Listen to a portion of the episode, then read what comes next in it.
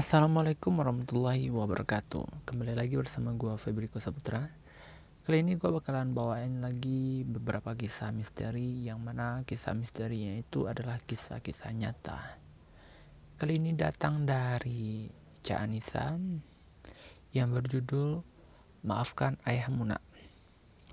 So lanjutkan aja ya ke ceritanya langsung. Sebelum aku menceritakan kisah ini, sebelumnya aku ingin minta maaf. Bukan maksud ingin membongkar aib orang yang sudah meninggal, tapi tujuanku menceritakan kembali kisah ini adalah supaya kalian yang membaca kisahku kali ini bisa mengambil pelajaran dari almarhum. Khususnya untuk kaum laki-laki, jangan tinggalkan yang terbaik demi yang menarik. Karena suami terindah di mata istri bukanlah yang mampu membelikan segalanya, tapi suami yang setia dan selalu ada dalam tangis dan tawa bersama istri dan anak-anaknya. Oke, langsung saja ke ceritanya ya. Sebenarnya almarhum ini adalah saudara jauhku. Beliau adalah anak dari adiknya nenekku, sebut saja beliau Om Bani, nama samaran Om Bani sudah menikah dan memiliki dua orang anak yang bernama Denny dan Desi. Awalnya hidup mereka sangat bahagia dan harmonis bersama seorang wanita yang sangat mereka cintai yaitu Tante Cahya. Tapi kebahagiaan mereka hancur setelah hadirnya orang ketiga di dalam rumah tangga Om Bani dan Tante Cahya. Dan parahnya lagi, Diam-diam Om Bani telah menikah dengan wanita tersebut. Sambil menahan tangis, Tante Cahaya pernah bercerita pada ibuku kalau semenjak Om Bani menikah lagi, nafkah yang Om Bani berikan pada Tante Cahaya berkurang dari biasanya. Bahkan Tante Cahaya sering sekali memergoki suaminya sedang jalan-jalan bersama istri barunya. Awalnya Tante Cahaya sangat sabar menghadapi tingkah laku suaminya. Tapi lama-lama Tante Cahaya hilang kesabaran menghadapi permasalahan yang dihadapi. Dan semenjak itulah percekcokan pun sering terjadi dan mediasi pun tidak bisa menghasilkan solusi. Akhirnya Tante Cahaya memutuskan untuk berpisah saja. Meskipun dia akui Langkah tersebut sangat berat, tapi semuanya sudah terjadi. Apalagi Tante Cahaya memilih melihat dua anaknya Denny dan Desi yang sudah mulai beranjak de, beranjak remaja. Saat itu usia Denny 12 tahun dan usia Desi 10 tahun. Dan mereka harus menerima kenyataan pahit di usia mereka yang masih belia. Setelah Om Bani dan Tante Cahaya resmi bercerai, Devi yang sangat shock melihat keadaan itu menjadi trauma berkepanjangan. Karena ayahnya yang tak pernah menjelaskan kenapa sang ayah meninggalkan ibunya. Dan malah memilih wanita lain. Sementara Denny sang kakak hidupnya jadi ugal-ugalan. Sekolahnya berantakan, suka melawan ayahnya dan sering sekali tidak pulang ke rumah.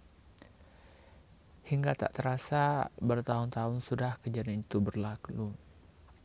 Kini Desi sudah mulai bisa memperbaiki hubungannya dengan istri baru ayahnya.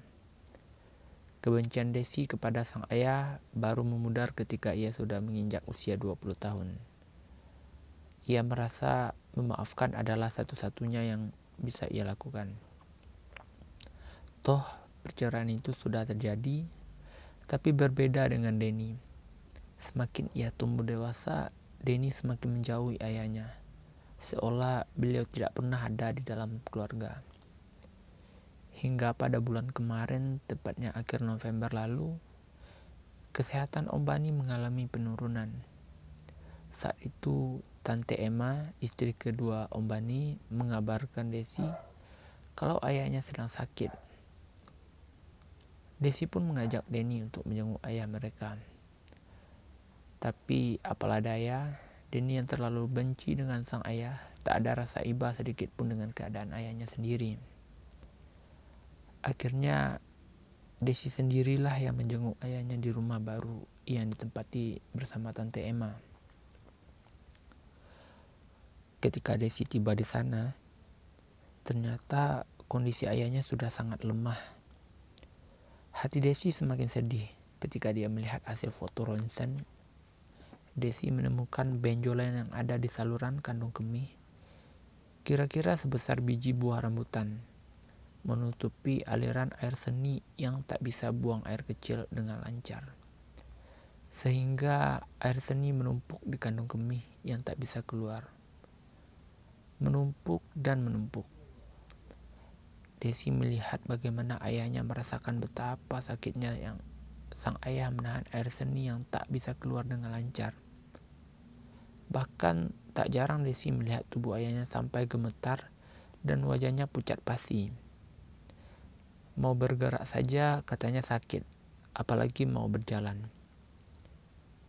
Jalan satu-satunya untuk mengurangi rasa sakit adalah dengan memasang alat kateter pada alat kelaminnya untuk mengeluarkan air seni yang tersumbat. Baru Om Bani bisa sedikit lega.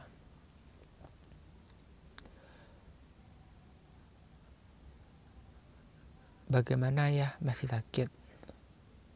Alhamdulillah rasa sakitnya udah kurang. Desi tersenyum lega dan dia melihat alat kateternya mulai penuh dengan air seni dari kandung kemih ayahnya. Kakakmu mana, Des? ada di rumah ya sama ibu tadi udah Desi ajak ke sini tapi Kak Denny gak mau. Mungkin kakakmu masih marah sama ayah. Wajarlah kalau kakakmu wajarlah kalau kakakmu membenci ayah. Ayah kan sudah meninggalkan ibu kalian tapi kalau boleh sekali saja ayah mau ketemu Denny. Setidaknya sebelum Tuhan memanggil ayah.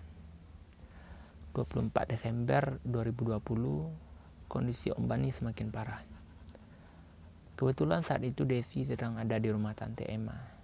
Ketika dia sedang membantu Tante Emma menyapu lantai, Desi mendengar suara ayahnya memanggil. Desi, Des. Desi langsung meninggalkan pekerjaannya dan berlari menuju kamar ayahnya.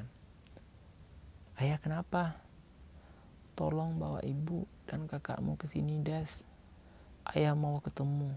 Ayah mau minta maaf sama mereka.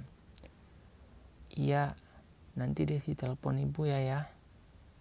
Sudah tak ada jawaban yang keluar dari mulut Om ini. Desi langsung berlari menghampiri Tante Emma yang sedang berada di teras rumah untuk memberitahu keadaan ayahnya. Lalu setelah itu kembali lagi ke dalam kamar bersama Tante Emma. Tapi tiba-tiba Om Bani mengalami cegukan tiga kali lalu menghembuskan nafasnya pelan-pelan. Ayah! Mas Bani, bangun mas. Desi dan Tante Emma menangis sambil mengerakkan tubuh Om Bani. Tetapi Om Bani tidak bergerak sedikit pun. Lalu Tante Emma mencoba mendekati tubuh Om Bani dan ternyata jantungnya sudah tidak berdetak lagi. Om Bani meninggal dunia.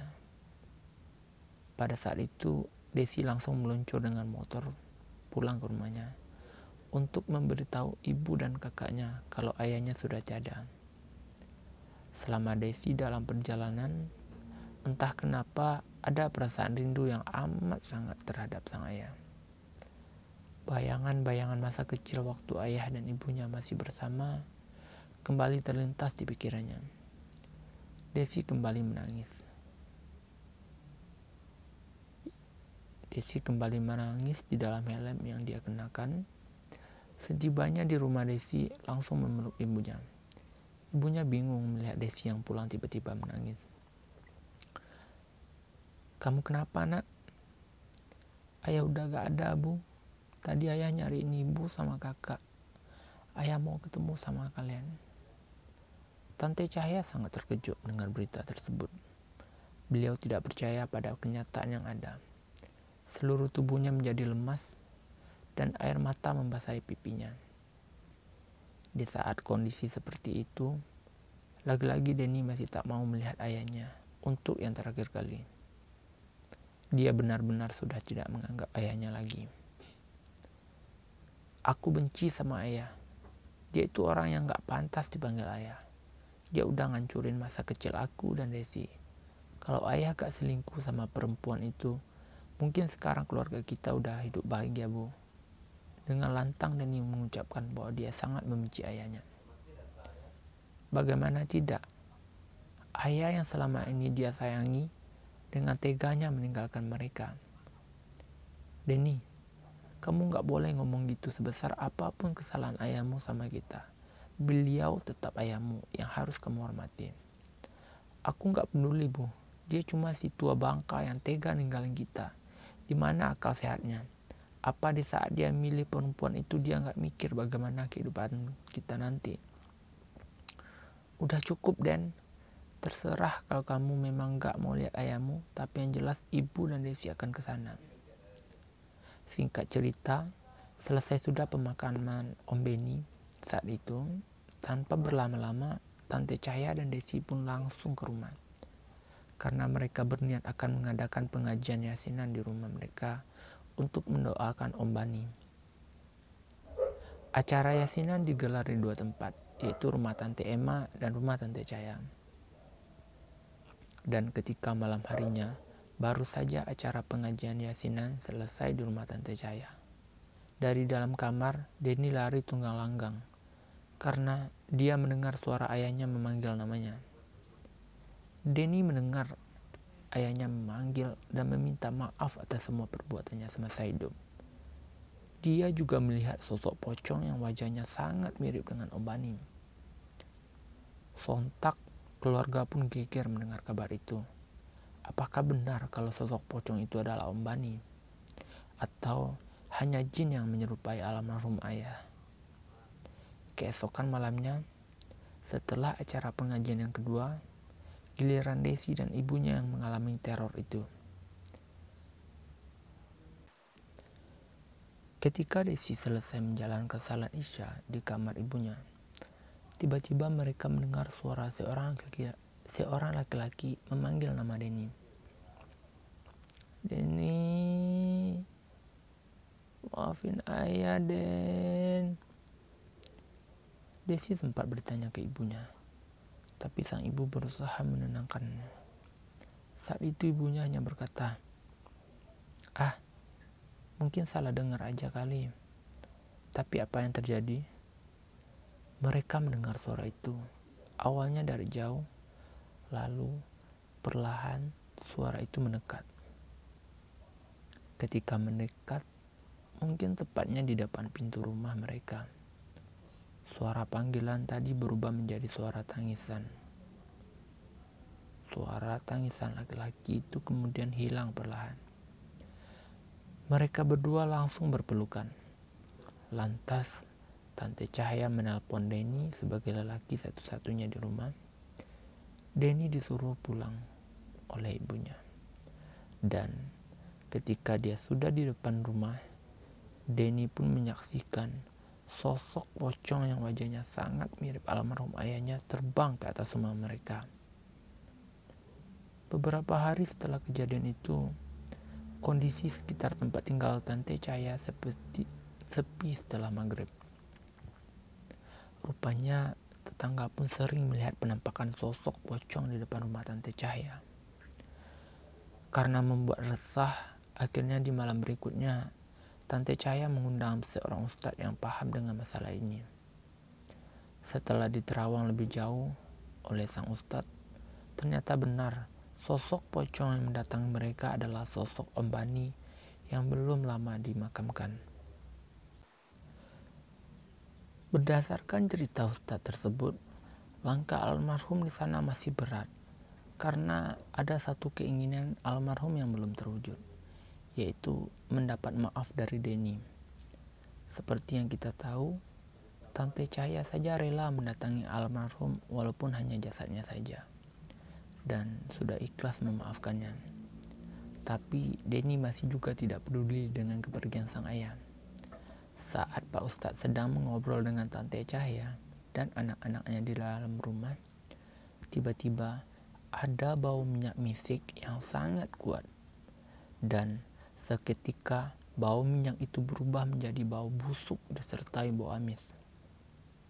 Saat itu Pak Ustadz sudah waspada karena menurutnya itu merupakan sinyal kuat bahwa ada sosok pocong yang sudah sangat dekat di sekitar mereka.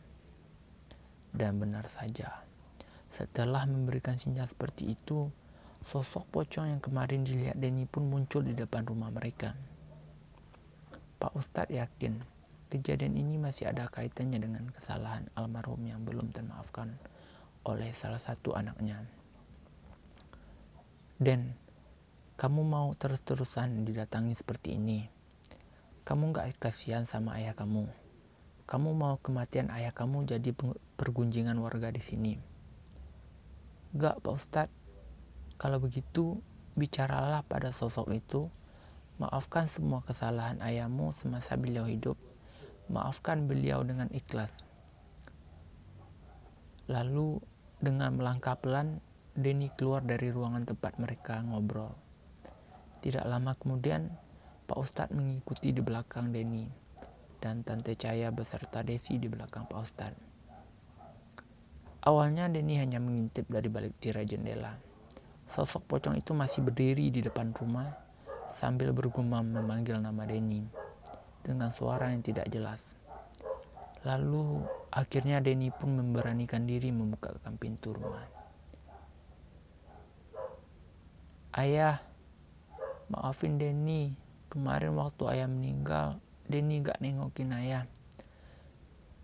Jujur, kemarin Denny masih marah sama ayah.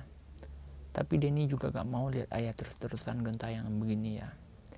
Denny gak mau ayah jadi bahan pergunjingan warga. Denny juga udah ikhlas maafin semua kesalahan ayah. Sekarang ayah pulang ya. Alam kita udah berbeda ya.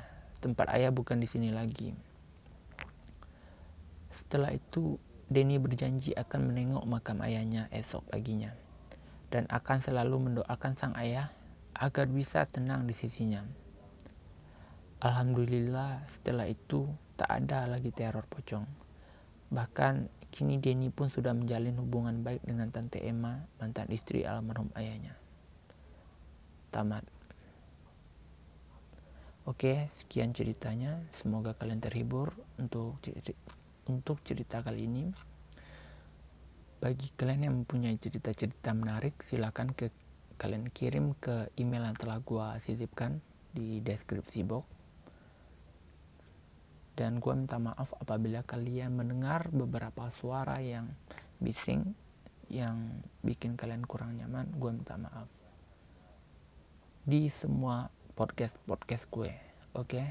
Sekian Gue akhiri. Assalamualaikum warahmatullahi wabarakatuh.